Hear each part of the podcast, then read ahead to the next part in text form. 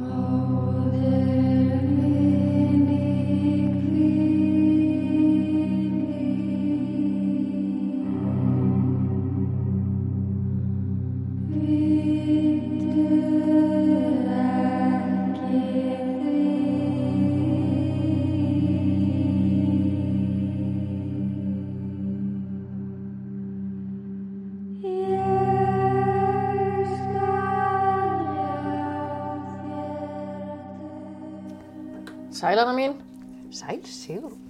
velkomin í myrkra, myrkra höfðingjan. Veist það er sól úti sko. já ég veit að það er bara, hún fer eftir smá.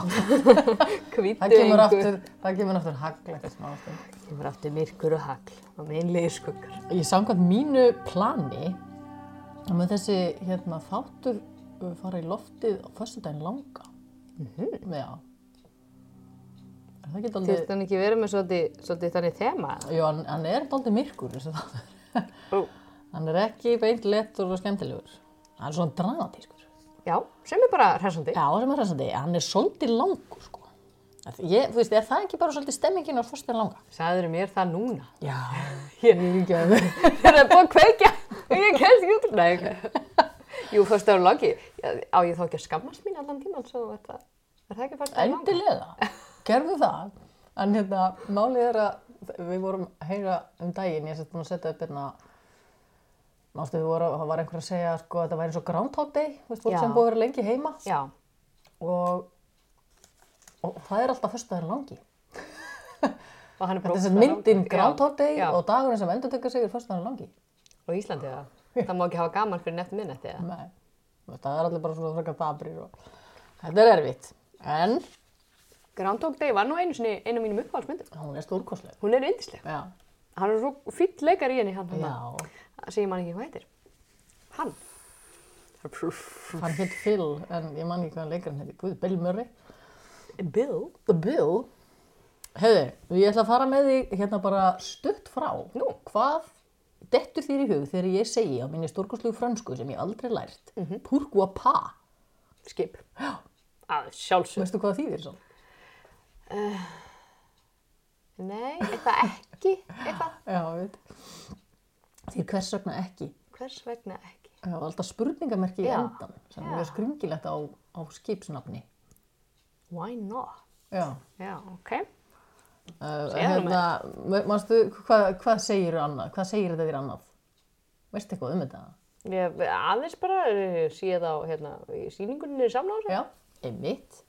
Sko, mér minnir endilega, þetta er eitthvað svona, stund, farið ekki stundur svona minningabrot þar sem þú veist ekki alveg hvort þetta hefur gerst eða ekki og hvað þú varst gömul og hvað var með þér.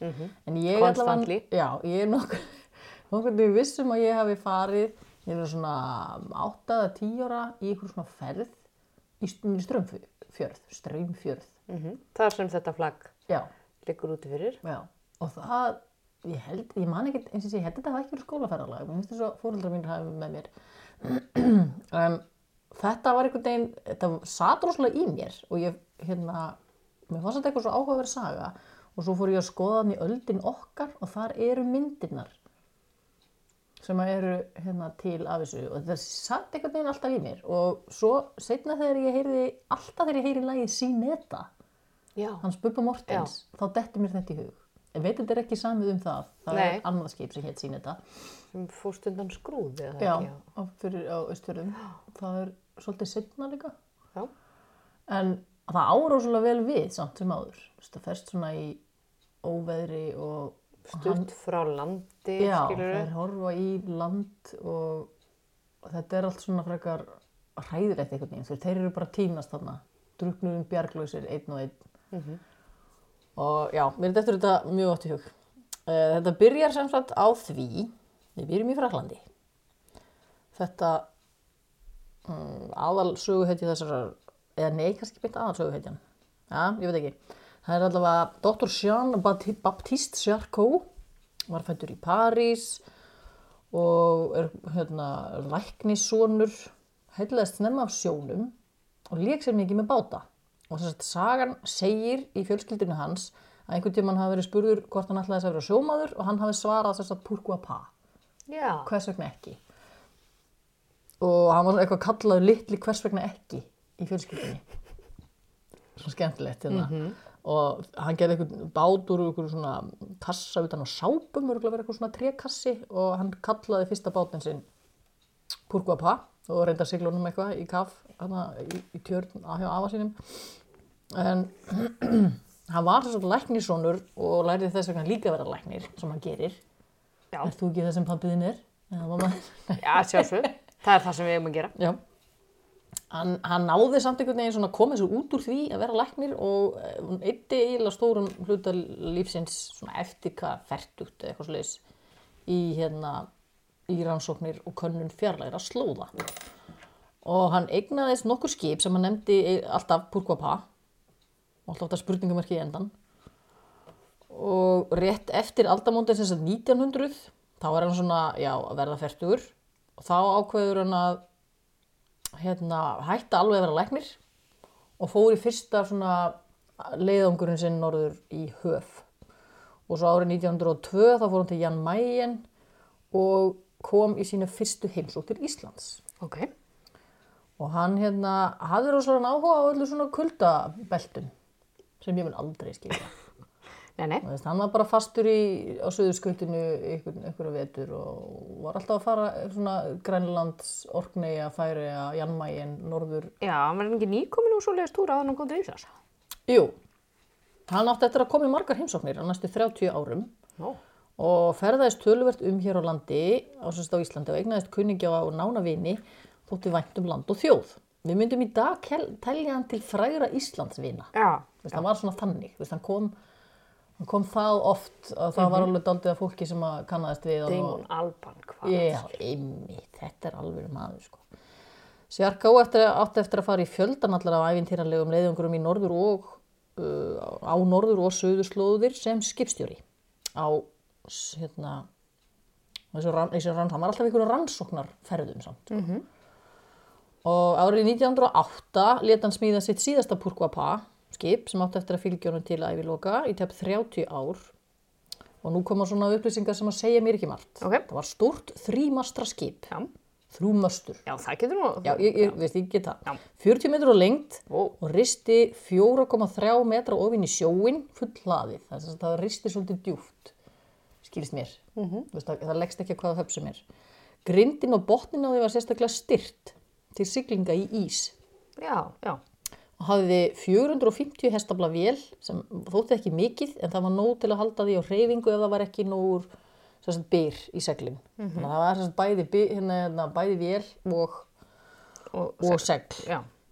Uh, það voru pláss fyrir 35 manna áhöfn og þeir voru yfirleitt bæði sagt, uh, reyndir sjómenn og svo voru yngri og, og, svona einhverjir sp- spenntir æfintýramenn með og svo þar fyrir utan voru pláss fyrir nokkra vísindamenn og oft svona um 40 manns um borð. Ok. Það orð fór af Sjarkó að hann síndi öllum áhafnameðlumum umhyggju og áhuga, kendi ólæsum að lesa og öðrum tungumál og vísindarlega vinnubröð. Honum uh, var mikilvægast að geta treyst á heiðarleika og tryggð samferðamanna sinna í langferðum. Það er svo að vildi frekar svona, bara meira með svona vináttu, fyrir hann að vera að stýra í krafti ykkurs uh, fjármuna eða Eða vald, Já, svona. já, Já. af því að það er bara þegar á hólminn er komið þá er það það eina sem gildir þú veist, er allt að í vand- næs já, náunga. allt er í vandræðum þá, þá viltu bara geta treyst á Mhm. hérna skilur við, hérna, tengslin á milli Já. fólks, ekki bara eitthvað svona gerði þetta því ég segi þér að gera þetta og það sem mér hefur alltaf líka best við Sjarkó, það var ekki hvað hann væri eitthvað góðu skipstjóri eða hvað hann væri merkilegu fyrir vísindasamfélagið heldur, hann var svo góð við dýr Já. Mér finnst það svo fallegt.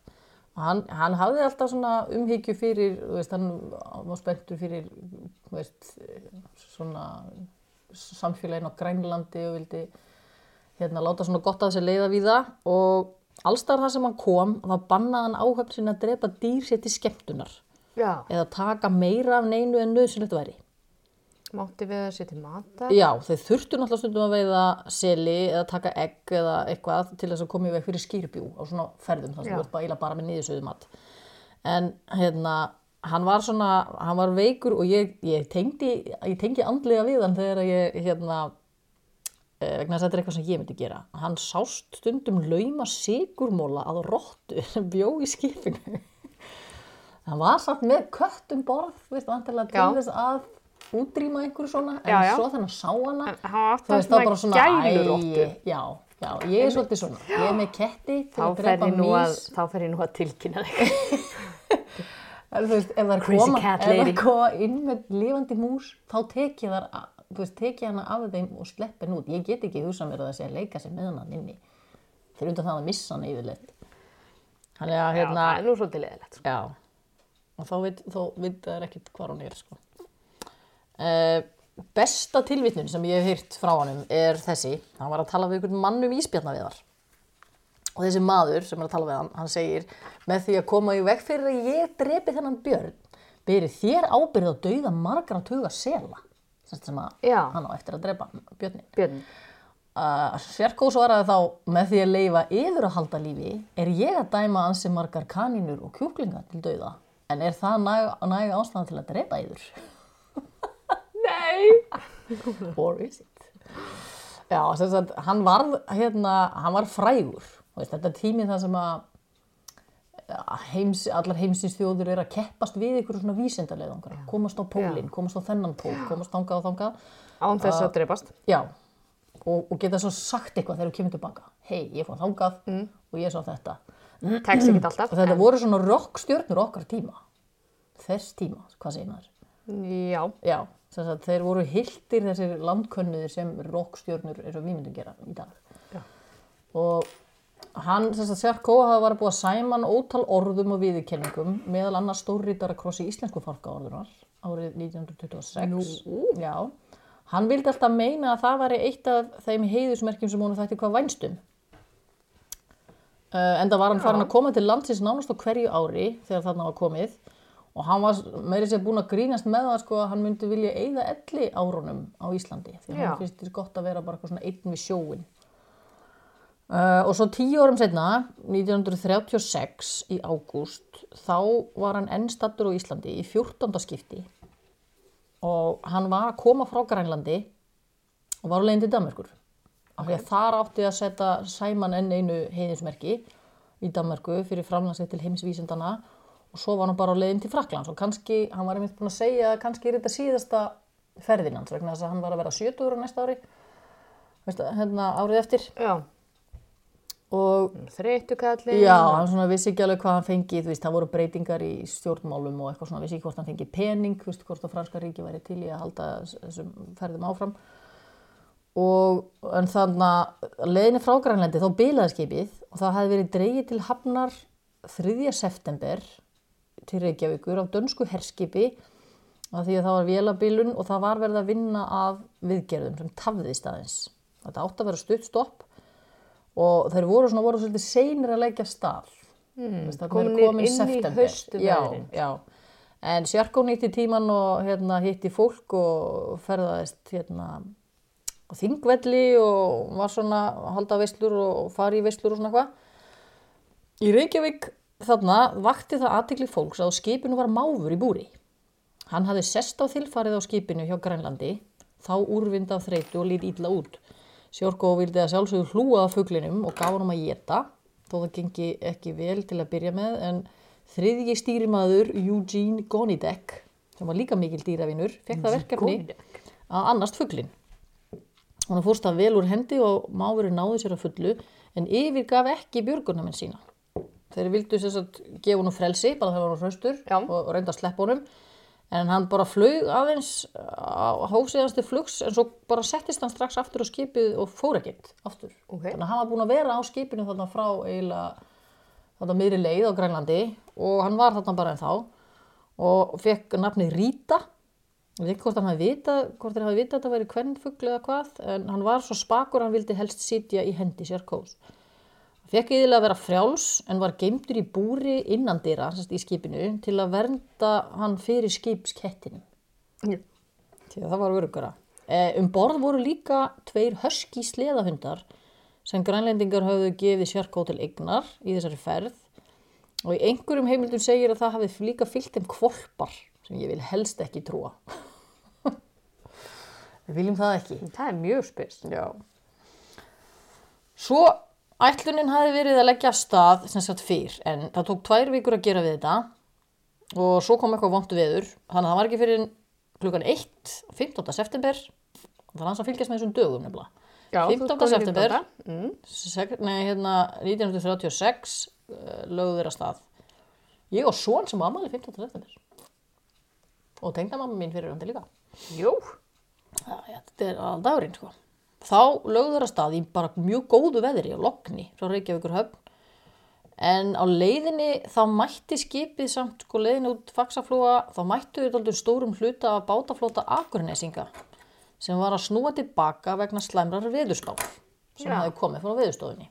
Þeir voru alveg byrjaðir að gefa út svona veðurspár Já. en það var náttúrulega erfitt að vita hvað væri að gerast út á miðunum. Þannig að þetta var bara eitthvað sem að þetta var svona frekar slæm spá en ekkit, leiti ekkit út að hræðileg sko. en ekki kannski góð til veiða. Uh, þannig að fyrir svona gamla, gamla rannsóknarskipið sem hafi dvalið heilu veturna í Ísnum á Suðurskautinu og var styrt í bak og fyrir þá höfðu þeir allavega ekki áhyggjur allavega til að byrja með nei, nei. þó það myndi trúa á því, sko. Þarna voru um borði Púrkvapa 41 maður, stærstur hluti skips áhöfn en nokkri vísindamenn. Sjarkó hafði látið að skipstjórn tíu árum áður af því það voru, sko, skipið var gert út frá franska sjóhernum og þá máttu skipstjórar ekki vera meira en 60. Já, Þannig að það var annars skipstjóri sem að hétt Le Cognac og hafði áður verið yfirstýrimaður á skipinu. En þeir félagar unnu vel saman og bara það voru engin eh, átök þar á milli. Uh, en þegar leið fram á kvöldið þá versnaði veðri sífelt og fór svo að klukkan 6 um kvöldið þá ákvoðu þeir, Sörkó og Le Cognac að snúa tilbaka og býða veðrið af sér í vari við Reykjanesið. Býða bara í skjóli að því að þetta var, það var sunnanátt já. við hérna Garðskaga. Og með skipstjórnendum á vakt frá miðnætti var meðal annars umrættur þriðji stýrimaður Gónidek sem var látin fylgjast með hraða skipsins og vegmælinum. Sagt, veður ofsinn var gríðarlegur. Skipið lit illa að stjórn en það var þarna stýrið orðið bilað og skipið rak stjórnlaust undan veðrinu. Þetta verðist að það var gerst rosalega hratt. Já, Miðað við að það er logg klukkan 1 og klukkan 6 er það orðið svo vont að þeirra okkur að snúa við. en þeir eru samt fattir að sjá, sko, eins og þú segir, sko, það eru komna viðvaranir. Já. Og segl og möstur uh, voru hérna, brotin og þar með öll loftskeitatækin til að hafa sambandi um hennin. Þannig að þeir eru inni, hmm. gáttu ekki kallað hjálp eða vita hvað, er, hvað þeir voru stattir. þeir sáu vita sem þeir áttuðu sig ekki alveg á, eða ekki alveg vitað, vitað hvaða viti þeir heldu þetta væri.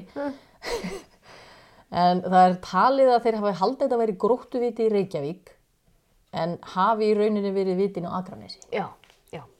Það er ekki alveg, það er bara ekki alveg vitað, þetta eru skiptar skoðanir um þetta og það kom einhvern veginn aldrei almennilega í ljós af hverju allavega þeir eru, virðast vera stattir á allt öðrum stað heldur en, heldur, Þeir héldu, sko, já. Þeir, Að þá hefur rekið eitthvað. já, svona mikið sko. Því að skipverja grunaði ekki hversu langt vindurinn hafi hrakið á að leið, þetta er bara eiginlega alveg sunnan átt hún hrekur það bara beint í norður og þannig taka þær einhverjar ákvarðanir með eitthvað að beigja eða gera eitthvað sem eru kólrangar með að við þannig að þeir halda þeir sé að sigla í einhverju átt en eru í raunin að sigla inn í þennan skerjagarð þarna á mýrum Já. í borgarferði. Þar og hafðu fjölmörg skip farist í gegnum tíðina. Ströndin við Strömfjörð og Altanes hafði jafnvel verið líkt við skipakirkjugarð vegna þeirra fjölmörgu hættilúr skerja sem erfitt er að forðast, jafnvel fyrir færastu sjómenn og það myndast eitthvað svona strau, svona sók á milli af því að, veist, sem er of lítið til að komast á milli en, en það verður svona óróleiki alltaf hérna í, það örugglega mikið brím, sko. Fyrir utan það eru sker sem eru, þú veist, sjást ekki og en þeir sem voru á, voru á frívakt kvildu sig og það kom að því að Gonindi eitthvað listur af hérna klukkan fjögur um nóttina. Þá var veðrið ennþá snarvillust og hann skipti yfir í þurru föt og ætlaði að leggja sig en hún var náttúrulega ekkert svefnsamt og var aftur komin upp klukkutíma setna klukkan 5 var hann komin upp á þýlfar og skipstjórin sendi hann eitthvað undir þiljur til að sækja kort af norðvestuströnd á Íslandi til að sjá hvar þeir gætu mögulega verið eða hvert, hvort þeir Það leitað að vari það er ekki Já, það er eitthvað bóið við þetta. En um leið hérna reið mikið högg yfir skipið og skipur er sá að skipið hafði steitt á blindskeri í miklum skerjagarði. Skipið losnaði samt aftur en það hafði eitthvað laskast. Brotsjór tók þarna einn mann útbyrðis, byttir, hérna, bytt, blöð, einn útbyrðis Mm og það gæti enginn á að hérna, bjargónu neitt, þetta hann bara veginn hvar þarna úti og upp á brúnni heyrðist Tjarkó hrópa vesalingsdrengirnir mínir. Mjög dramatíst. Já, svolítið dramatíst. Það var komið gat á Hver er til frásagnar þetta? Já, býttu bara. Ó, ok, fyrir, ekki má. Máfurinn. Mámurinn. Það var komið gat á skipskrokkin og dælurnar virkuð ekki og gufuvélinn virkaði ekki. Þannig að skipið rak bara stjórnlaust undan veðrinu og það er engin segl, það er allt brotið þarna. Og það er sem sagt nálgast land og það held áfram að rekast utan í smásker á leiðinni og allt lauslegt á þilfarinu var farið í sjóin. Þá var gefin skipinum að láta bæði akkerinn falla. Og um leið og þau náðu hérna, botni þá hægði aðeins á skipinu en tíu mínútur setna þá sagt, klukkan korti fyrir sex steitti það á skerinu hnokka með miklum látum. Þeir vissu náttúrulega ekki þá hvað það hétt Nei. en við vitum það núna og satt þar fast. Kjölurinn hafði ripnað af og það gliðnaði í sundur og það var bara að fyllast á sjó og Le Cognac og Sjarkó gerðu sér ljóst að skipinu yrði ekki bjargað. Þeir tveir reyndu samt ekkert að bjarga sér. Þeir í rauninni stóðu bara þarna uppi í brúni að hvað maður segir stjórnpalli Já, og aðstóða og hvetja strákarna sína til dáða að bjarga sjálfum sér. Mhm. Þetta er bara eitthvað svona það kemur á einhverju, tímapunkti hérna, hver er sjálfum sér næstur já, frasinn og þá hérna, berir ekki ábyrð í rauninni lengur á félögu þínum eða að reyna að bjarga Nei. skipinu eða eitthvað svona það er bara reyndu þú mátt bjarga þér. Þannig að menninni sem voru ekki farnir í sjóin þá reyndur hvað þeir gátu að losa björgunabátana. Því þeir voru alveg um borð, bæði stóru og litlir. Eh, Það gekk ekki vel því brotsjórin sem gekk yfir skipið hrifsaði suma bátana strax fyrir borð eða þeir brotnuði í spón við skipsliðina þegar þeir voru komnir í sjóin. Því það var breymið var svo mikið. Sko. Mm. Veðurof sem sn- sneri skipinu á skerinu og, hérna, og skrokkurinn og á því var að liðast í sundur og það lá svona alveg á hliðinni. Sjarkó fór snöggast ofan í káetu og kom upp með búrinarítu, opnaði það og hristi til hún færi út. Mást ekki til þessari sögu. Jú, Vindurinn svifti henn á loft og hún flög út í frelsið. Þetta var það síðasta sem Gonidek sá af Sjarkó og mávinum og það var viðeigandi því Gonidek hafi líka bundist fuglinum tilfinningaböndum síðustu vikurnar. Uh, þetta væri svona hans síðasta verk, hans hérna, Sjarkó að gera þetta. láta fugglin ekki fara niður með Já. skipinu. Þeir skipurja sem enn voru um borð reyndu hvað þeir gátu að komast í björgunabáta en það gekk afar illa því þeir voru flestir brotnir í, á skerjum eða utan í skipinu. Gonidek ákvaða hans að hinum skipverjum að fara frá borði og frista þess að bjarga sér í sjónum. Áður en hann fór í sjóin fór hann úr stigvilunum og sneri öllum vösunum sínum út. Það var sem Já. ég sniðut Já, til að sapna ekki vatninu í og hann hafði utan, utan þessu björgunarring sem þeir höfðu reyndar flestir sko. það voru nóg af þeim þarna, virtist vera uh, en þá að því það væri vonlust að halda sér á floti sagt syndandi í þessu já, brimi já. Þegar hann skaut upp úr sjónum aftur þá sá hann lítinn björgunarbát skamt frá þar sem að tveir menn voru þegar komnir. Og hann hérna hann var rétt komin um borð í hérna, þetta, þennan litla bát þegar að Alda gekk yfir og koldóni koldi henni, fleitunni já. og Gorindek var þegar aftur komin í sjóin held áfram að svipast um eftir einhverju til að hanga á. Svo það var nóg náttúrulega af braki í sjónu því að skipið er náttúrulega brotnað hana og druknandi menn út um allt. Og þeir svona komu og fóru. Og flestir þeirra voru með björgunarringi en þeir dögðu ekki til, bæði ekki eiginlega til að halda þeim á floti og svo voru bara svo slóust svo margir utan í. Já, bæði klettana og skipið og eitthvað svona og þá náttúrulega þú rótast þá, og- já, já, þá náttúrulega ekki mikið og það getur náttúrulega ekki mikið gert til að bjarga þér sko. en Gonidek og fleiri náðu taki á landganginum sem flaut þar hjá.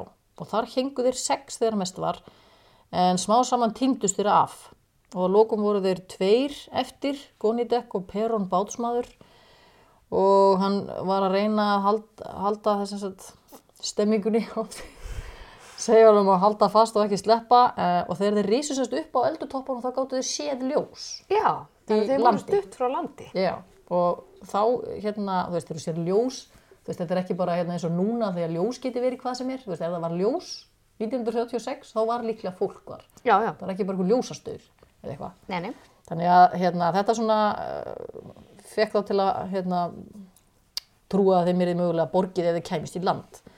En þessi Perón misti hins vegar takið og hvarf í hafið fyrir augunum á Gonidek sem hekk einn eftir, hálfur undir langganginum til að verjast ölduganginum og með lopnar hendur og augun full af sjávarseltu.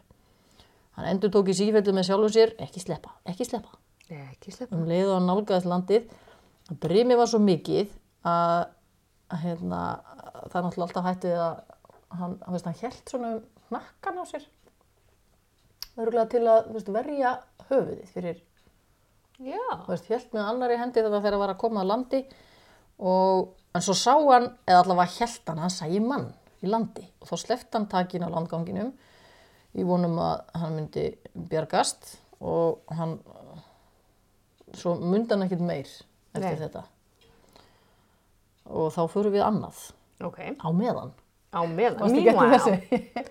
á meðan í konungsríkinu Já.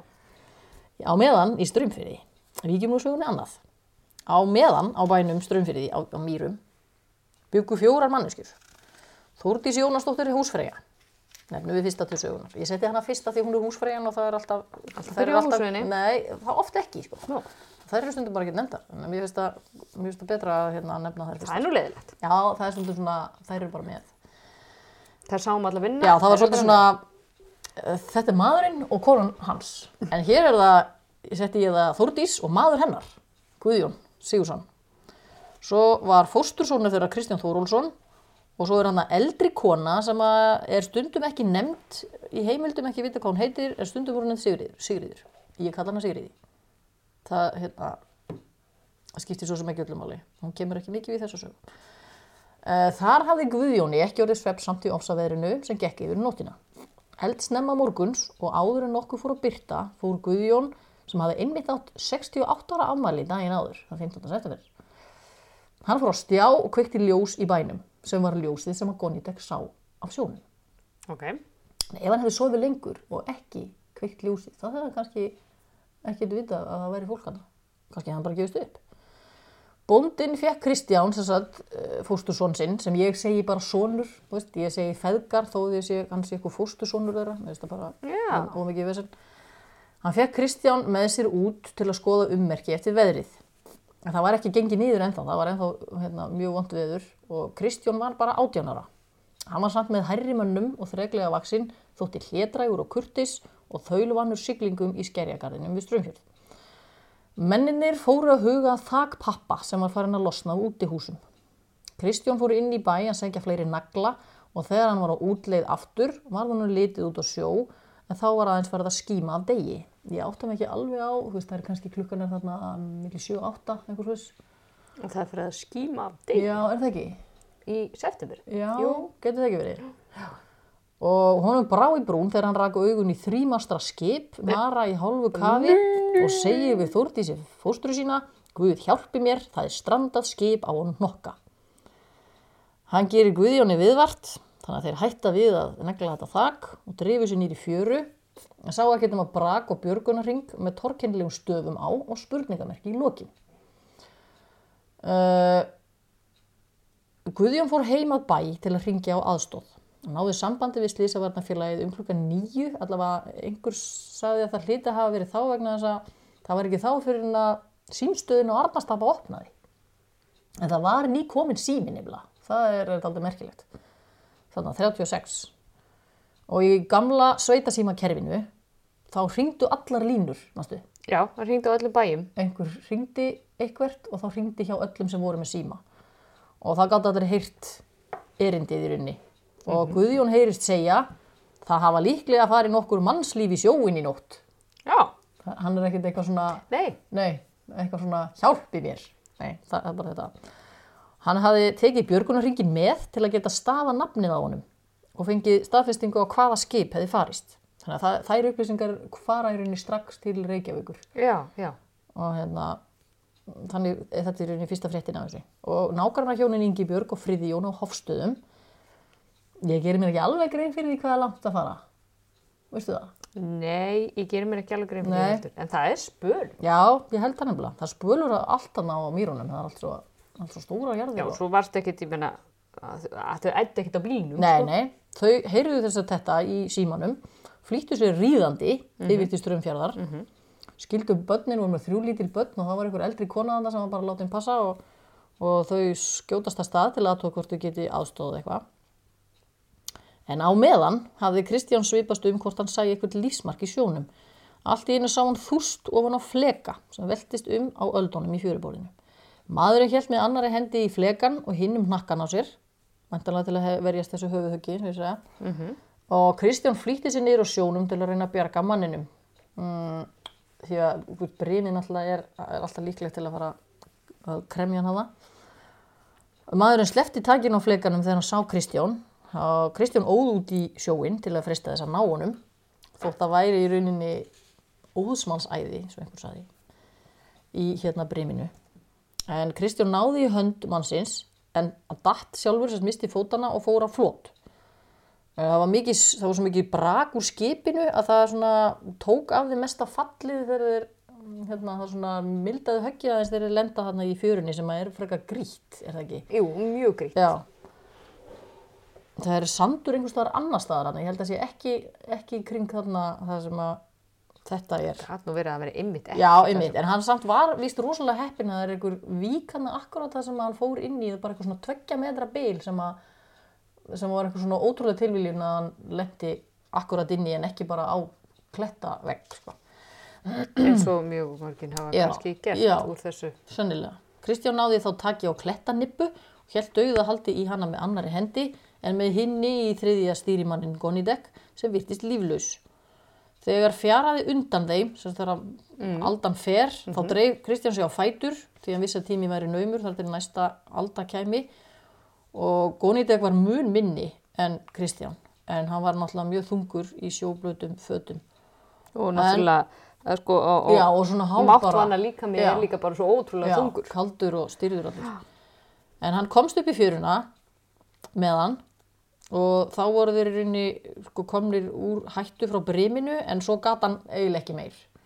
Þannig að hann fer, þú veist, sjá að hann kæmist ekki lengra einn með mannin, gat ekki borið hann, þetta er eitthvað svona smá klettar hann upp, -hmm. borið hann hann sjálfur af því hann er allur hann blöytur líka og, en hann stöylast hann upp og gerði fóstra sínu viðvart sem að kom hið snarasta niður á sjó þar sem Kristján og Gonidek lág báðir dasaðir í fjörunni. Í fyrstu reyndi Guðjón, maður sem er að nálgast sjötugt, að bera mannin á bakinu. Já, Já, einmitt. En frakkanum líkaði það illa. Þannig að það gekk eitthvað illa.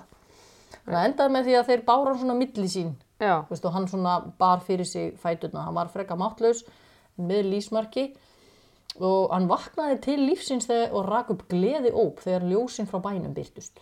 Það var svona einhvern veginn eins og hann já, hann hann kviknaði á honum og þegar inn í bæ var komið gerði fólki um að skynilegt að hann yrði að fara úr blöytu fötunum. En það gerði Kristján slítið sama. Þórdís húsfreyja og Sigriður þessi höfðu tekið til þurr ullarfött og búið um legubekkin í eldhúsin handunum sennilega bara var heitast þar. Já, pottjætt. og frakkin vildi samt ekki fara úr meiru þegar hann var komin á nærskirtuna eina fata. Og það gæti enginn tala við hann alltaf. Og hann ekki við það fólkið sko. En Kristján tók þá ylvolga ullarflíka af opninum og lagði að vanga mannsins Og þá, og þá hérna lét hann til leiðast og berháttaði sig áður en fór í hlýföt af Guðjóni. Af því að hinn var svo stór að hann hefði ennþá síður passað í þau föt. Uh, Sigriður heitaði rótstert kaffi og Guðjón náði í konjaksflösku sem hafði lengi leið óhreyfð þar sem strömmfjörðu var mikill bindindis heimili. Gott En- að það sé tekið fram. Var, ég var að hafa það með. Já. Við veitingarna hrestist maðurinn töluvert þó að illa gengi að koma í hann mat. Uh, eftir þetta fór hann að faðma alla í bak og fyrir og þakka fyrir vantarlega en þá skildi hann alltaf enginn. Uh, hann var í rauninu ótrúlega vel á sig kominn eftir að hann hefur sennilega verið tvo eða þrjá klukkutíma í ísköldu brimi innan um sker og kletta Tvo eða þrjá klukkutíma, er það bara hægt? frá þarna korti fyrir sex og til, veist, millið átta og níu. Jésus. Það er ótrúlega, já, hann var vel málhress og talaði mikið á móðumálu sínu á meðan Þórdís húsfreyja þóði sjávarseltunar augum hans með reynu vatni. En það skildi hann að vita skuld enginn, hann. Guðjón og Kristján stöldur ekki lengi við inn í bæ, heldur letu konurna sinna skipbrótsmannum og snýru sjálfur aftur til sjávar. Veðri hafi þá lægt töluvert og Burkva Pava var nánast alveg horfið í sjóin, Já. bara strax. Bara, En það var brak. það. sko. Já. Mennirnir hófust handa við að ná þeim mönnum úr sjónum sem þeir náðu til en því miður reyndust þeir allir látnir. Smá saman bættist þeim liðsauki frá nágrannabæjanum. Gónidekk let vel að sér á bekknum í eldhúsinu og fólki var ánægt með að hafa hann þar því þaðan sást ekki til sjávar þar sem verið var að draga hvert líkið af félögum hans á fætur, á, á fætur öðru á land. Og setna um daginn þá álpaðist hann þó út í bæjadir og sá hvað verum að vera í fjörunni. Og þá tók hann á sprett allt í einu með einhverjum krafti sem engi skildi og hljóp til þeirra og reyndi að gera sér skiljanlega við fólki sem var í þann mynd að draga líkur sjónum. Og það skildi náttúrulega ekkert hvað hann var að pata hana en það kom sem sagt í ljós að hann var að reyna að segja þeim að þeir að taka tunguna úr, sem sagt toga tunguna úr kokinu og hella sjónum úr líkinu til þess að hægt var að hefja lífgunar tilraunir Já. en það, veist, þeir voru allir styrnaðir sko. en hérna, það var alltaf seint því að þeir kom allir kaldir og styrnaðir að landi Ingi Björg á Hofstöðum, þessi sem hafi komið þarna fyrst, hún hafi farið á eftir honum, hún hafi verið inn í bæ og tók undir hendi hans gónidekk og leita hann aftur til bæjar. Þá var hann allur kraftur úr honum og hann stóð allir fæturna greið. Eh, Guðjón bóndi stýrði leitarfólkinu sem hjálpaðist að við að ná líkunum á land. Í fjörunni hafði myndast nær samfelt ábreyða af braki úr skipinu þar sem ægði saman brotum, uh, bara uh, húsgögnum, vísindatólum, rom, rúmdínum, stígvélum, fatnaði, kössum fullum af mat og það var bara Það var allt. alltaf búið að lesta skipið til Já, að já. fara. Ja, það var undirbúið bara undir að geta fest í ísnum í Grænlandi, sko. Já. Hérna, Já. getur þetta að vera heilan vetur. Þannig að það var alveg ímislegt til. En leitarfólkinu var sagt að láta allt slíkt eiga sig og einbeita sér að líkonum. Stundu þurfti að vaða út í sjóin sem var orðin, samt orðin stiltur því að það vildi allir koma í vekk fyrir að líkin lemdust og óþurfu utan í klettana og sköttuðust. Bara svona líka, þú veist, leðilegt, já, bara til að vera hægt að bera kennsla á því og svona. Mm Líkonum var rað í snirtilega röð í brekku fyrir niðan bæin í strömfyrði sem kallaður er í borgarlæk, sem er vist skrítið því það er engin lækur þar. Uh, nokkur líkaðir ekki lengra frá við Altanes en þau voru, það voru, þau voru flutt til hinna Já. og líkin urðið að endingu 22 Því að það, þannig að það var ljóst að nær helmingur áhafnarinnar var enn ófundin af þessum 40 40 mann Já. mjög mikið. Já, það var stort skip sko þrýmastra skip hérna. sjálfsög. Já, já. Uh, það vantaði meðal annars skipstjóranleg konjat. Einar Sigmundsson, sem ég veit ekki hver er, frá Krossnesi, kannstu það hvað? Nei. Hann var meðal nágrannar sem komið til aðstofar, var þá þrítugur og í óða önn að draga lík jafnaldra sinna á land sem hann hafi sagði, það hefði allir verið svo fallegi menn. Verkið var heldur óskemmtilegt fannst honum en það vandist, svo skemmtilega orðað eða svona undarlegt, já það vandist, fyrst á svona hrollur þegar maður var að taka í Líkin. En já, svo hérna, já, svo, svo, svo hætti, hann, hætti það. En það var sagt hann sem fann Dr. Sjarkó og hann þekkt hann um leið hann hafði heyrt lýsingar af honum og hann var líka lang elstur af, hann að var að vera 70 og var svona grásprengtur, svona, já, sköllóttur og, Já. og var svolítið svona, já, og hann var í svona bláum ferða, hann var í ferðaföt, bláum svona Já. sjóaragalla einhverjum, ég veit hvað við segja. Já. Þessi mynd er svolítið svakaleg. Ég veit það. Myndin af líkonum í röðinni. já.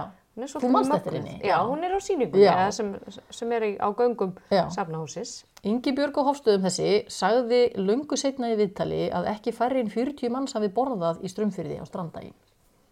Sem að var tölvert mikið, veist, þetta er lítill, þú sér það er bara fjórar manneskjur í heimili hérna, þetta er aldrei mikið álag.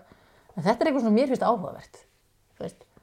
Það er svona, það er svona baku tjöldin, veist, málið. Það þurfa allir að borða, það eru allir í, að vinna. verða líka kaldir og hræktir. Já, Og, þannig að eitthvað var til af nýðusöðu vörum og Ingibjörg let sækja á, hana, heim til sín og hóstaði líka eitthvað af svoleiðis.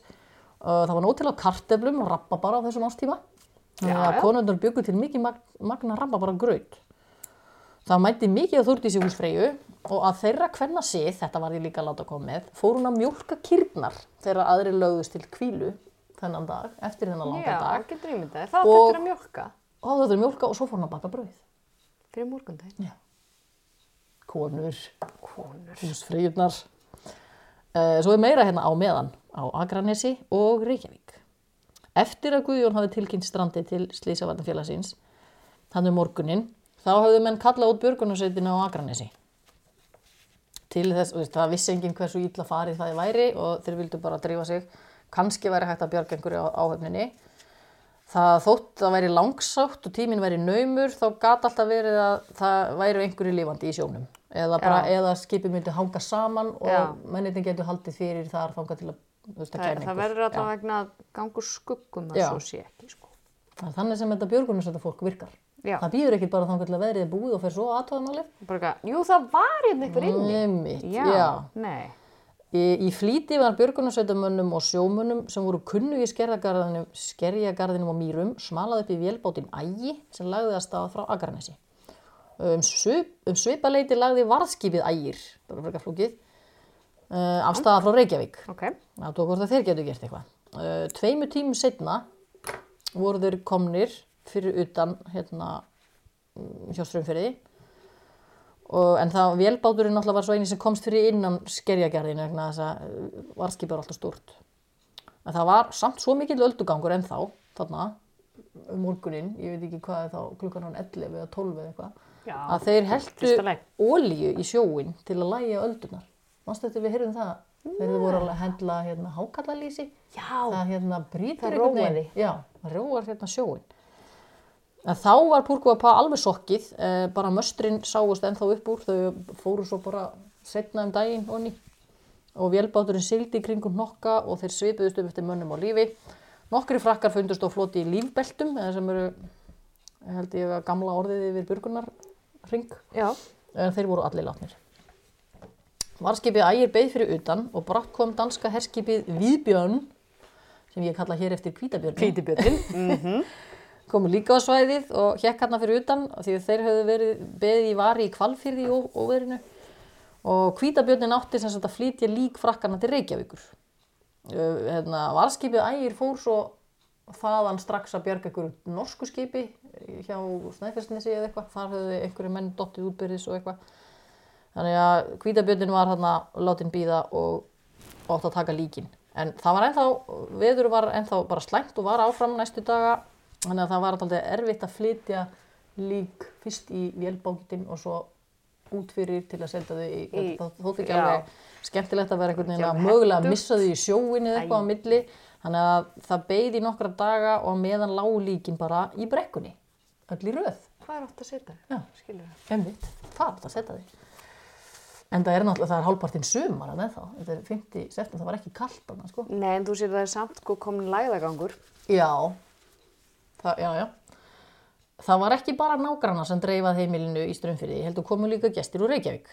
Það var franski ræðismadurinn.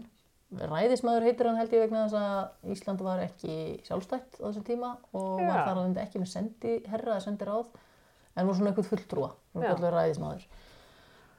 Og það var þarna, já, hann kom, ég man ekki hvað hétt, ásamt Pétri Gunnarsinni kaupmanni sem talaði góða frönsku og skildi vera tólkur. Og svo voru tveir bladamenn, Árni Óla og Finnbói Rútur Valdimarsson. Þeir komu allir saman á bíl og þessi Árni Óla og Finnbói Rútur, þeir voru sem sagt sikkur pólitísku skoðanir. Annar var hjá Morgunblæðinu, þessi Árni Óla held ég, og Finnbói Rútur var hjá Alþýðublæðinu. Já. Og franska ræðismanninu fannst svo skrítið að þeir voru til í að deila herbyggi Já, já. þó þeir væru svona óvinnir Þeir eru ekki óvinnir. Nei, þeir eru skrítnir Íslendingar, hún fannst þetta mjög skrítið. Þeir þurftu að deila herbyggi sérst í borganessi á Já, sjálfsög. Uh, leiðin frá Reykjavík var töluvert öðruvísi en hún var í dag og lengri og vegurinn munu verri. Þeir komist bara í Borgarnes hérna, strandaginn se- 16. og á bíl og lögðu svo snemma að þaðan hérna, keirandi en komist bara út á urriða. Eftir það var bara ófært. Það er nú ekki sérstaklega langt. Nei, Eftir það, það, er ófært. langt. Já, það er daldið langt að fara frá Urri- urriða og út á strömmfyrði. Þau þurftu að fara það ríðandi. Öllu skellt upp á hest, það var nú búið að græja það fyrir það held ég hérna. og það lítur að hafa tekið alveg nokkar tíma sko. þetta er ekki fleng, þetta er bara mýrar drulla Já, sko. þannig að þeir hafa örgulega ekki komið snemma þarna þó þeir hafa lagt snemma stað þeir hittu fólki í strömmfæriði úti á strandstaðnum. Þeir þurftu að fara með bát með að segja síðastu síðasta spölin og Gónidek var þar á meðal. Hann var eðlilega gladur en samt í í geðisræringu þegar ræðismæðurinn kom því þá gæti loksis einhver manneskja skili hvað hann sagði. Og þýtt fyrir hann. hugsaði þér, já. Í fyrstu gretan og gæti lítið sagt fyrir en ræðismæðurinn hafi huggað hann aðeins og spurt hvort hann treysti sér til að nafngreina þau lík sem þegar voru fundin.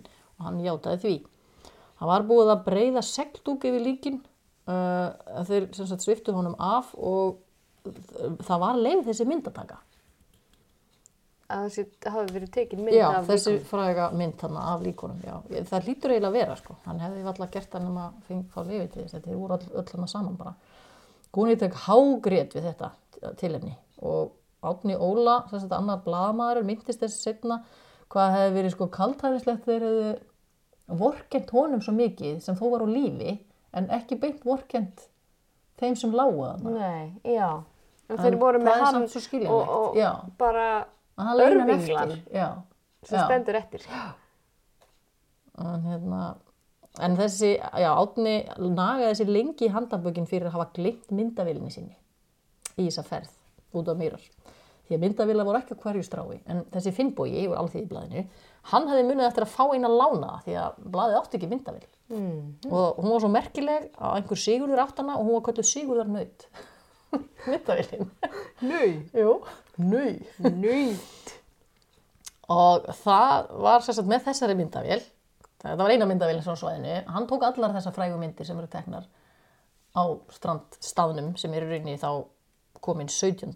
september og þar á meðal þessa óhuglugu röð líkana 22 hann er ekki beint óhugnuleg samt Nei, hún er, friðsæl. hún er dramatísk bara. Já, hún er mjög dramatísk, já.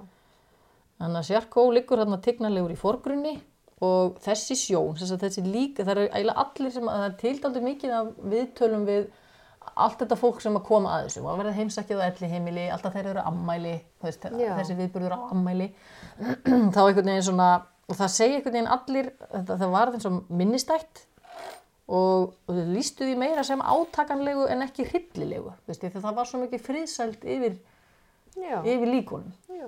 Veist, þetta var einhvern veginn, þeir Það vera- lýst sem svona fallegi menn og Já. það sem var merkilegt var til dæmis að einn er að hafi komist með glerugun á sér og óbrotin. Þú veist, í hérna... Hafa verið svona spengt bak sennilega, eyrun. Já, en þú veist, með að við að sumlíkin voru bara, þú veist, hefðurinni þessi glerugun þátt að brotna í, í brimi eða einhverju, sko. brotin spæð. Já. Uh, þetta, þessar myndir voru fyrstu íslensku fréttamyndirna sem seldar voru til útlanda. Og það var aðalega fyrstu náttúrulega franska stjórnum vildi endilega fá myndirnar og borgaði mjög vel fyrir, sagðan. Og svo voru það sendar bara út um allt í New Yorker og hérna við um heim. Því að þetta var heimsviðburður nefnilega. Það þótti mjög merkilegt. Það endaði svo með því að líkin voru fermt í vélbótin ægi þann 19. september, fjórum dugum setna, þreim dugum setna, þess að sem sildi með þau áleiðis uh, til Reykjavíkur þar sem að grítabyrnin átti að taka við þeim. En það var svo vott veður að þann, hann, þeir náðu eiginlega bara uh, svona síðasta spelinum, hvað maður að segja. Já, Þess að eiginlega ferðarinnar. velbáturinn með á alla leið. Þeir Já. bara rétt fermdu þau á milli og þetta var einhvern veginn svona svolítið skrítið.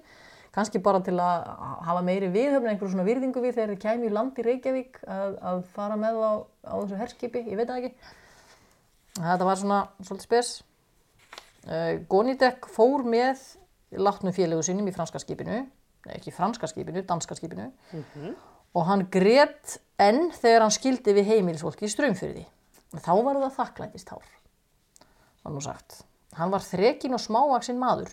Því voru fötin af Guðjóni, bónda, sem hann hafi látið tilleiðast að fara í þegar hann kom kaldur og hrækin úr sjónum, voru töluvert og stóra á hann.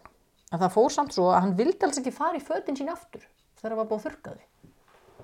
ha, Já, hann vildi ekki fara í þau aftur. Hann bara, hann neitaði bara. já, hann fór því að söðu til Reykjavíkur í alltaf stórum fötum á bóndanum fyrst raunfyrði. Hann bretti bara vel upp á erma. Æ, hún er alveg fyrir orðin. Já, það var einhvern veginn, ég veit ekki, það var eitthvað. Dagana sem að Goni Dögt valdi í Reykjavík eftir björgunina, hann náttúrulega var þar og mæntarlega hjá þessum ræðismanni en hann eitti tjóluverðin hluta tímans á skrifstofu alþýðiblaðsins hjá þessum finnbúðarúti af því að hann hefði náttúrulega kynstónubanda þegar hann kom og svo talaði hann dálitlega frönsku. Þessi finnbúi. Já, heppileg. Já, en þú veist, skringilegu tími einhvern veginn, vera bara eitthvað þarna að býða eftir eftir að Eitthvað, fara já. aftur á bát. Já, einmitt.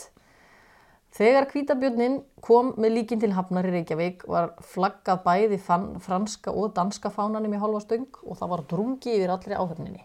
Vegna þess, þetta var ekki bara hvaða skip sem var, því það hafði verið hvítabjörnin sem dró Púrkvapa til Hafnar í Reykjavík þegar það bilaði, þannig að fyrst. Og skipin höfðu leið hlið við hlið í Reykjavíkurhöfn í tvær vikur á meðan að viðgerðinni stóð Og í þessar tvær vikur höfðu áhafnirnar heimsótt hver aðra og mörgum orðið vel til vina við hína vinalegu og kátu fransmenn sem þeir fluttu nú líkinu af til Hafnar að kvöldi 19. september. Skipverja stóðu allir heiðusvörð, spari klættir þegar þeir komið þarna að landi og veður var mjög gott og það hafði fjöldi mann sapnast saman á bryggjunni. Bara almenningur. Og meiri sér senkaði skipinu tölvert út af þessu, hérna, þessu flytja á milli báta vesenni þarna þannig að Fólk beit bara. fólk beið bara og það flutningabílar fluttu hverja líkbörunar og fætur annari tvær í hvert bíl og keirt upp á landakotspítala sem ég held hreinlega að hafi eiginlega verið eini spítalinn í Reykjavík á þessum tíma það var einhver svo kallar ég veit ekki hvort það var einhver annar spítala landakotspítali. Uh, það var þögn yfir öllum nema kirkjuklukkunum í domkirkjuna var hringt á meðan. Gónidek hafði fylgst með öllu úr stafni skipsins og fór í land síðastur og eftir hérna líkbörunum. Og íslenski túlkurinn Pétur leiti hann sér við hlið og franski ræðismæðurinn var hann með honum og en þegar sagt, fréttist á strandinu vantarlega bara strax sama dag allavega var ræðismæðurinn komin hann á stað sama daginn þannig að ríkistjórnin hefur fengið þetta þá var sendt hérna hraðskriðasta skip, ég held að hann bara hraðskriðasta skip í heimi á þessum tíma. Uh, það var alveg glæð nýtt og þótti voðast niður eitthvað svona tundurspillir. Hvað var það að gera hér? nei það var sendt sagt, Já, til Íslands frá Já. Fraklandi á nafni, nú kemur það. Le Odysseu Ljúdisjú. eins og Odysseus held ég. Eða Odyssey. Od- Od- Odyssey, já ég veit ekki alveg hvað þetta á að vera. Uh, og skipstjóri þess átti að sjá um rannsókn málsins af því þetta var her, hérna, ykkur herfóringi og skipið kom til landsins 21. september. Þannig að það tekið sannlega bara einhver fjóra-fimm daga að sigla. Það var bara mjög hratt já, og eins var flutningaskipið Lod ég læri aldrei fransku tökum það fram. Lod, ell, úrfellingu koma auði, Lod, sett í Reykjavíkur með líkistur undir líkin til flutninga til Fraklands, því þeir áttu að flytja hérna þá og alla persónlega muni og heillega rannsóknagögn sem að fundust við strandið. Þeir vildu fá það allt. Já, sjálfsög.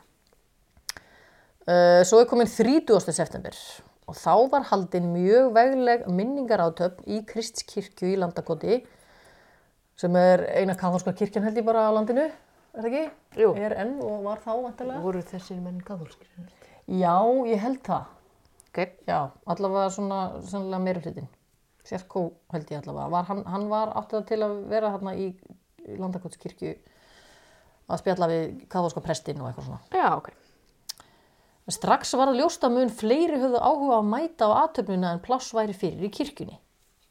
Það var því brúða það ráð að gefa út bóðsmiða á jarðaförina. Ha? Handa Eða þeim- minningaratöfn? Já, minningaratöfnuna, já. Og það handa þeim sem þótti eðlilegt að sko myndu komast, að komast inn. Á bóðslistanum voru íslenski ráðherrar, ræðismenn erlendra ríkja, yfirmenn frönsku skipana sem voru hann að koma inn, varskipsins ægis og kvítabjösins, aðstu embættismenn Íslands, biskup og prestar, menn úr björgunarsveitum og sjálfsögðu heimilisfólki frá Straumfirði, Áltanesi, Hofstöðum og fleiri bæjum og mýrum. Þessum var þess að öllum bóðið.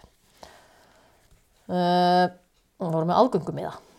Þarna komu líka tveir óvæntir gestir sem voru franskir vísindamenn, sem sagt það voru tveir orðið eftir á Grænlandi af. Púrku og Pa áhafninni. Þeir hefðu alltaf að vera, hérna, gera ykkur rannsóknir, hvort þeir ætla ekki bara að vera með vetursetu eða hvort þeir ætla að fara, var eitthvað setna. Þeir allavega voru komnir hérna og sem var rauglega ekki svona smá huggun fyrir hann Gónidek að vera ekki einhvern veginn aðleitt á áhöfninni eftir. Þannig að þeir, þeir náðu allavega að komast í tækja tíðina. Í þessa minningar þetta. Já, í aðtöfninu söng, söng sveit útvarpsins og katholski biskupin á Íslandi held að ræðuna á meðan íslenski skátar stóðu heiðusverð inn í kirkjunni. Öllu þessu voru útvarpa beint í Fraklands og heyrðist ljómandi vel yfir hafið. Eftir minningaratöfninu í kirkjunni báru prúbúnir áhafnar meðlimir franska herskipsins Le Audacieux, kisturnar 12, nei kisturnar í 12 líkvagna, þess að það voru tveir í hvert þá, og svo var ekið á þeim í ykkur svona halaróu niður á höfn þar sem að flutningarskipið beigð. Eh, Líkfylgdin sem fylgdi líkveikunum virtist engan enda ætla að taka því að mannfjöldin á gödum Reykjavíku var svo mikil og allar hlýðar gödur voru fullar. Eh, ég kann ekki alveg að segja frá leiðinni sem er farið, þetta er, svona, þetta er náttúrulega upp á hæðinni, Já. það farið niður tunggötu einhver staðar og það endaði í lækatorgu eða? Já, það endaði í grófinni, þannig að hjá Pítarsvæstu 7 og Tryggvagötuða þar. Þannig að fyrir að frænka þar? Jú, líka, Já. einmitt. Bókasafnið er hana, bókasafnið mm -hmm. í grófinni. Mm -hmm. Og þegar þanga var komið var staðið á hverjum fermetra. Í heildina var, tók þetta þrjá tíma, þessi aðtöfnöld sem á líkvildin. Og Já. þegar Blástursveit, sem að lappaði hennar með, laug leiksí, le, hennar leiksínum á bryggjunni, skaut herskipið úr fallbísum sínum heiðu skotum. Jésús þetta hefur verið svakalega. Þetta var svakalegt. Í alþýðirblæðinu var sagt að aldrei hefði íslenska þjóðin áður sínt annari þjóð slíka hluttekningu eins og hún gerði þeirri frönsku og þessari stundu og að önnur eins líkfylgd hefði aldrei sést hér á landi.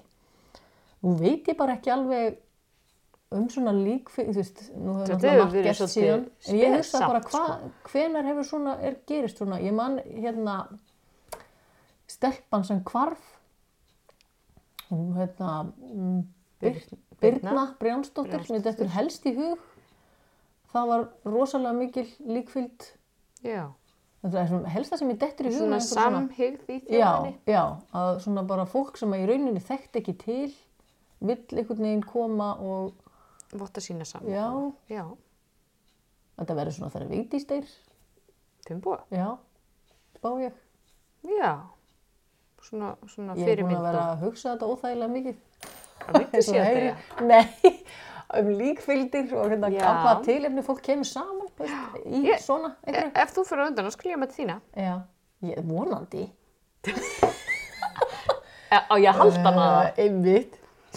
Þú ert að vera með ræði. Ég kem með kvítvinnið. Á ég að halda ræð? Já, alltaf. Ó, ok, best að byrja að skrifa Ok, já, einmitt. Ef þú getur bara dáið undan mér, þá skal ég halda ræði. Það er einfaldast að leiðin undir þessu. Ok, ég panti Æ, undan. Já, ok. En þú ég, það gengur ekki. Já, Herði, Þórdís, Guðjón og Kristján í Strömfyrði voru öll mætt til aðtefnarinnar í Reykjavík og Ingibjörg frá Hofstöðum. Það þótti tilfinningaþrungin stund þegar Gónidek faðmaði hinn 18 ára Kristján í kveðjuskinni sem þó var höfðin og herri en frakkin, náttúrulega miklu yngri. Ég man ekki að Gónidek hefur bara verið svona rúmlega þrítugur held ég, eða um það byrð þrítugt. Á því búinu snýri stýrimaðurinn til skips, þar sem hann sagt, hafði aðsetur og fólkið á mýrum snýri aftur til sína daglegu starfa í íslenskri sveit. Uh, 3. oktober lögðu frönsku skipin á stað til Fraklands og það var bæði haldið minningaratöfn þar. Þegar þau komið á landi, það var bæri sem heitir Saint Malo og hérna, það sem að skipið hafi verið smíðað, smíðað sennilega var það heimahöfnin þeirra, þau fóru yfirleitt þaðan held ég. Já, og svo var, voru þau farin, þetta var ekkert smá ferðalega þessi lík, svo voru þau farin með þau til Notre Dame í París, þar var haldin önnur minningar ha? Já, Ertu ég grín? nei. Og alltaf líkin með? Já, án þeirra er ekki að halda minningar Jú, Já, kannski, en ekki eins en svalt. ekki eins skemmtilega. Nei, nákvæmlega. Og svo, hérna, þá var, eftir það, eftir þessar minningaratöfni í París, þá verður loksins send til síns heima. Já, nákvæmlega. Heima bæjana sinna og það sem þau voru grafin. Sjarkó, hann er grafin í París. Hérna, að því hann var frá París. Og það var samt sagt, ég veit ekki hvort að Íslendingar hafa bara sagt það því að þeir hérna vilja alltaf vera bestir, en það var sagt að þrátt fyrir glæsileikan í Notre Dame hafi svo aðtöfn ekki verið jafn hátileg og svo á Íslandi. Aðalega vegna aðkomu almennings hér á landi. Uh, svo er það, hann trösti frendi, trösti viðurfræðingur, Já, Trausti Jónsson, hann hefur skrifað grein um veðrið. þennan dag. Já, sem grandaði Púrkvapa. Já, þegar 1986, þegar það voru 50 ári liðin, þá hérna fer hann svona yfir, þú veist, yfirleitt eru veður sem að koma á þessum ástíma eh, eitthvað svona afgangar og hýta beltis fellibiljum. Mm -hmm. Það er ekki alveg vita hvort það var með þennan, þó að sé nú alltaf líklegast, það mætast einhver köld, það er einhver efnafræði sem ég skil ekki. Já, Uh, þegar, það, þegar sú grein er skrifuð þá er þetta talið einn af fjórum verstu september veðrum á öldinni. Já, Það hefði orðið sem sagt 1600, 1606 og svo 1973 hafði orðið svona septemberstormar. já, Og hún kemur að landi við Faxaflóa og er verst þar um miðnætti og fer svo bara, fór svo norður yfir landið. Og hérna, það sem var skrítið, það sem ég kalla á, hérna, þetta kemur svona óveður á haustin og það sem er svo skrítið við þau og svona óhugulegt finnst mér þegar það er rosalega heitt. já, sem hnúka þeir. Já, það er eitthvað bara svona... Það er magnað. Nú er að koma eldgoss. Þetta er svona eins og ég kalla gjörningaviður. Það er bara vittlust viður en það er heitur vindur. Og það var sennilega eitthvað svipað þarna vegna þess að það mæltist 20 stig á Akureyri þegar lægðin fór yfir. Já, Þannig að hún var ekki köld, sko. ég hef, hef hérna, farið út í svona Já. hnúka þeir. Þetta er rosa merkilegt. Þrátt fyrir óhugnaðin og aðtiklina sem fylgdi Púrkóa Pa strandinu var það ekki eini mannskaðin sem var í óverinu þessa septembernótt. Nú, Vélbáturinn Þorkell Máni frá Ólasfyrði fórst með sex mönnum og aðra sem sagt átta manns tók útbyrðis af öðrum skipum þó þau hafa ekki sokkið. Þannig að það, það það voru, hérna, já, mm, bátar og skip skemmtust líka víða í höfnum og til dæmis var talað um að það hefði allar trillurnar í bíldudal eðilast. Þannig að sukku í höfninni eða slitnuðu upp og raka á hafút. Mestur skaði í landi varð á norðanveru Snæfellsnesi og á vestfjörðum. Þök og heilu húsin fugu, bæði íbúðurhús og útihús, fjöldin allir af hjöllum og smákofum sem oftar en ekki lendu á öðrum mannvirkjum og eigiluðu meira. Ramax og símastörar kuppuðust í sundur, girðingar fugu, grjót sem var allt að 100 kíló að þyngd og rúluða stað, hei, mástu þú veist, oft geimt, geimt svona hei út í göldum, það bara, Já. það horfið bara Já, eðlilega og það sem ég fannst merkilegast við þetta hérna, að því að kannski að því að þetta gerist svo sjaldan á þessum tíma, það kemur svona rók, að þá var að víða höfðu karteblur og rófur sópast upp úr moldinni. ha, Já, var þetta svona kvirvilbils? já, já, Einkenni, já, þetta er eitthvað. Bara moldin bara einhvern veginn af og þá bara, Það bara, þá bara byrjar þetta að rúlla. Það er jafnvel talað að eignatjón hafi verið óvinni mikið í þessu veðri í samanbyrju önnur fárviðri sem að gengið það yfir. Það var aðalega sunnanátt, suðvestan, suðaustan, það voru engir vindhraðamælar á landinu á þessum tíma og við, svona meður mælingar var ílótt gerðar, gerðar á nóttinni þegar, hérna, sem þetta voru ekki gerðar á nóttinni þegar veðri var hvað verst. Já, Þannig að það er svona kannski erfitt að þetta er svona eins og stundu þegar maður sér að sko vindtraðamælinn við Hafnarfjall datt út. Já, Það var bara svo mikil Já. að það dottin út. Já. Það var, voru einhverjum svona sírítandi loftvogir sem að hægt er að svona giska eitthvað út frá og Trausti var með kenningar svona að meðalvindræði hafi verið 30-35 metrar á sekundu Já, og vindkviðunar þá Miklu meira. 55. Já. Það gerðist bara núna um daginn, mástu. Já, ég manna ekki, ég var ekki heima, en ég frétti það. já. Það var rosalega landinu, já, þá voru 55 undir Hafnarfjalli sagt, Mhm. í vindkviðin og það er flokka sem fyrstistigs, fyrstastigs fellibíl. Já, það? Já, eins og eru flokkar í hildabellinu. Það eru 125 km, þess að 30 metrar á sekundu eru 125 km á klukkustund. Þannig að það er bara bíl sem keirir alveg vel hratt. Sko. Veist, það er stöðugu vindur sem fer það hratt. Já. Uh, hérna, Hann og þetta meiri sé að já, veist, hann hefur sennilega jafnvel náð meiri, hérna, meiri vindstyrk um, um nóttina vegna þess að þessa, þessi kenning sem hann er að tala um þá er hann að segja sko undir morgun hafði þetta verið um rúmlega 30 metrar þá var bara Kristján nýbúin að draga góðnýtt upp úr sjónum komur við född Það er úrfötun. já, um mitt, Kemur bara alltaf inn einhver maður og segir þér að fara úr fötun. hvað minnur?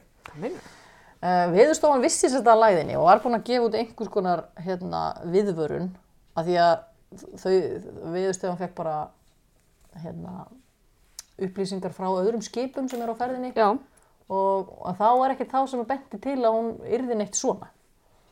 Ekki til líkingu við þetta. Já. En þau heldur kannski að þetta yrði bara svona einhver 20 metra stormur þegar hún náttúrulega með vindstík þá í gamla dag.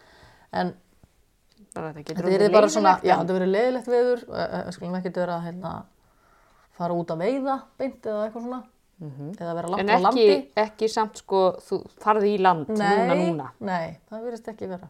Það var bara spáð storm, var stormviðvörun sem er þá tíu vindstík eða eitthvað slúins sem eru, ég veit ekki hvað langar að segja, 20 metrar, 20 og eitthvað. Svo eru, sko, eftirmál, uh, er ég komið í klukkutíma? Ekki alveg. Ekki alveg? Uh, frásögnin af því sem gerðist í strandinu er náttúrulega öll komin frá Gonidek.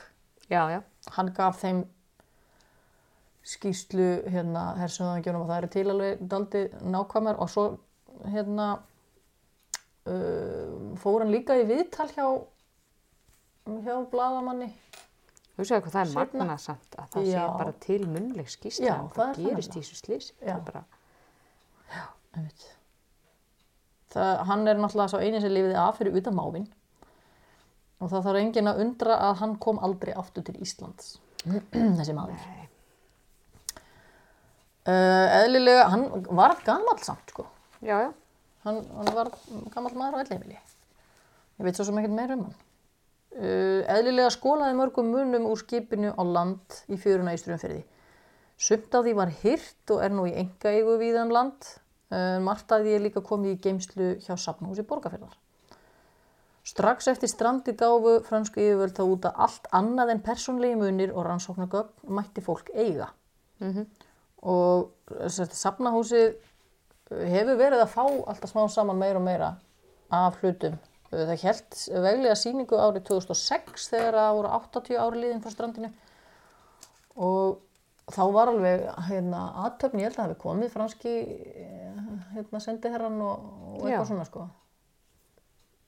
Þá var smíðuð hérna, mjög nákvæm eftirlíking á landganginum á, sem var á sýningunni. Upprunalegi sýningurinn, landgangurinn var geimtur lengi vel í sendiráði hérna en svo var hann fluttu til Fraklands. Hann er til, sko. Upprunli Borguba, Já, vá. já. Þetta er svolítið merkilegt að þeir heldur það púkkað upp á því af-. Já, einmitt. Hann er rosa langur, sko. Þetta er alveg löng svona slískja. Og í setni tíð hefur verið aðeins um að kafarar hafi farið að skoða flakið. Það liggur enn á sínum stað í strömmfyrði. En það er rosalega illa farið, sko. Það er eins og sé, liðast í sundur og svo er búið að vera þannig í næstu í hundra ár. Og svo líka bara, maður hefur nú líka heyrt að kafararnir hafa ekki gengið vel um það. Nei, Af- af- Alveg hluti virðingu, já, sko. já, ég veit svona. En Svanur Steinarsson, okkar maður í framkvöldun og þjónustunni, Okkar maður.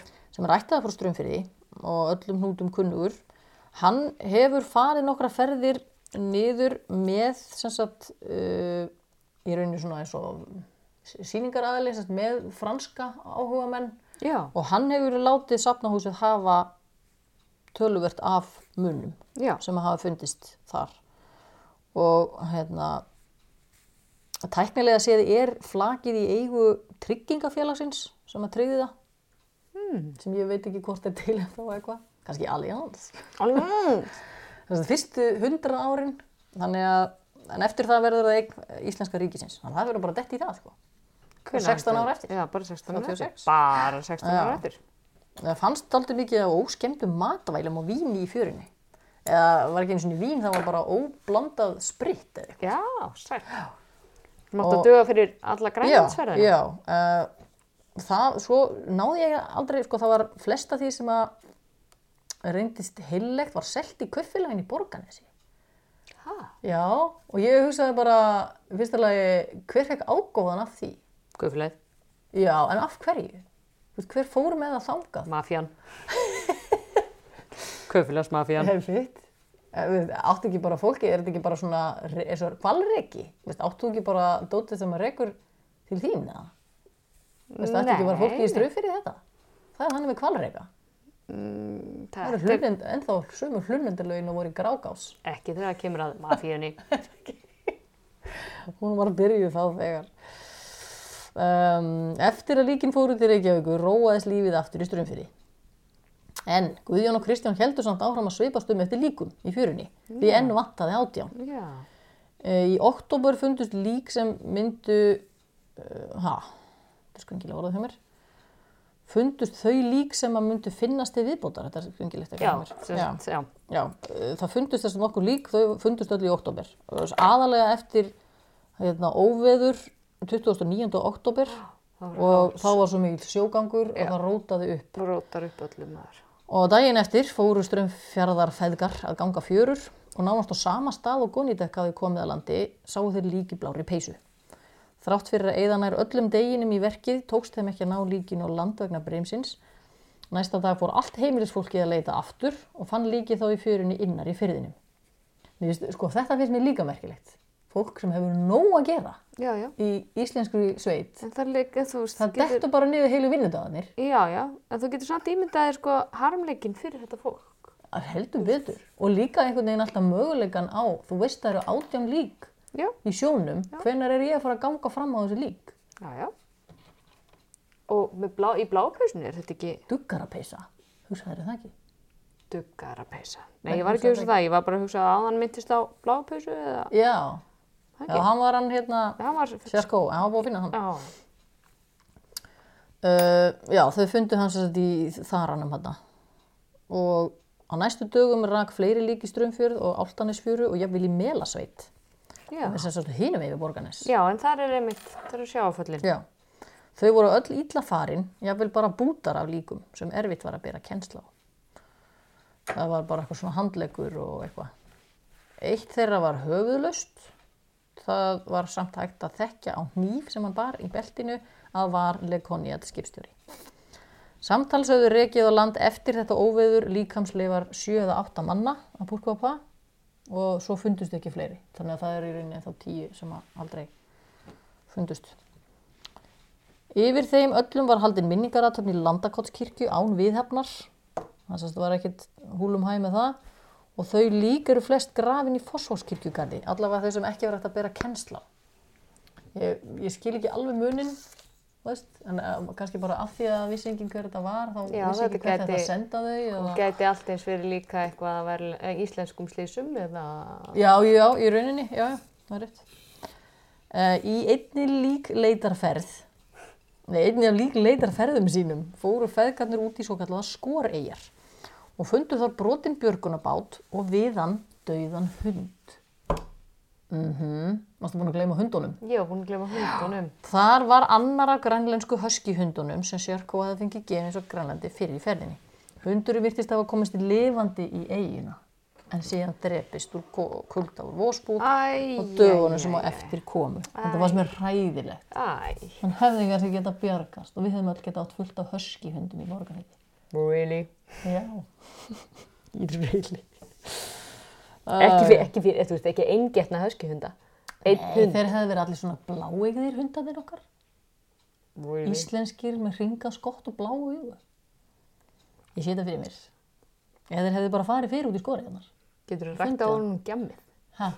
Íslenska? Já, husky hundar gjamma ekki það. Nei, frábært. Já, tökum það bara Já. um þeim.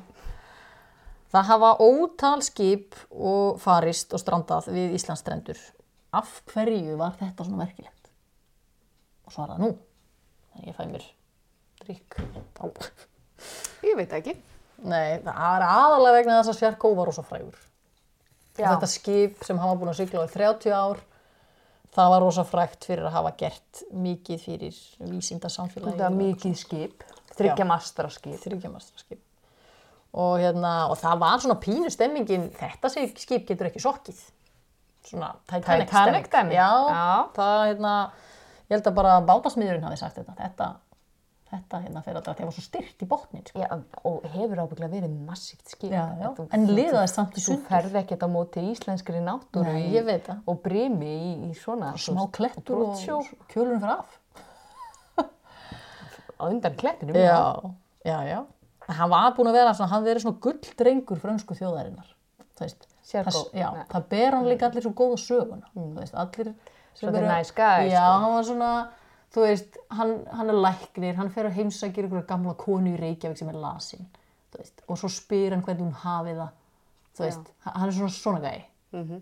Þú veist, hann, hann er alltaf, Nei, hlýr. já, hann svona, hann gerir alltaf sitt besta til að láta gott að sér liða.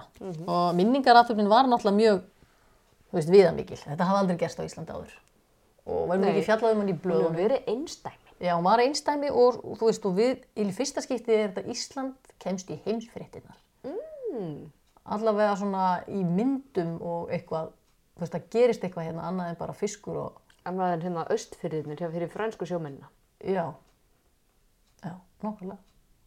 Þetta er eitthvað sem allir vita af, bara Ísland, hvað er það? Já, það er svona sem hann, hann, hann druknaði hann að franski kallinn. Franski kall. Það frakkarnir segja það bótið. Já, já, ummitt. Og svo líka bara er þetta, þú veist, sagan er dramatísk, þú veist. Það deyr, deyja allir nema einn. Já. Þannig að við fáum að vita hvað gerðist. Já.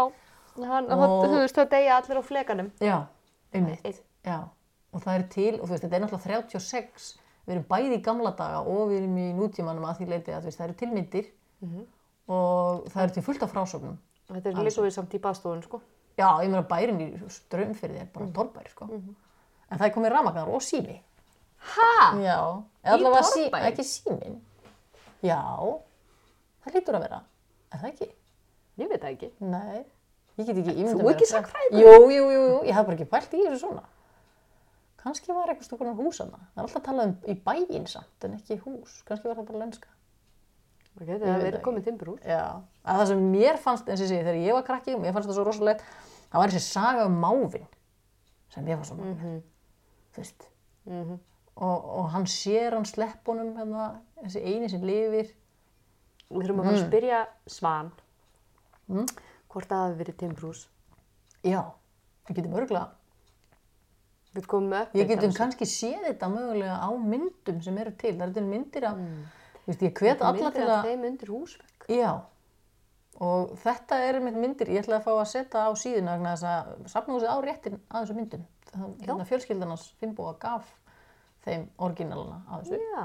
Og það er til, bara ótrúlega merkilega myndir eru af, og hann sko brosandi, hann Gónidek, Já. undir húsvegnum daginn, eh, sem sagt 17. í rauninni, þegar hann kemur og tekur myndirnar. Uss. Hann er magnaður.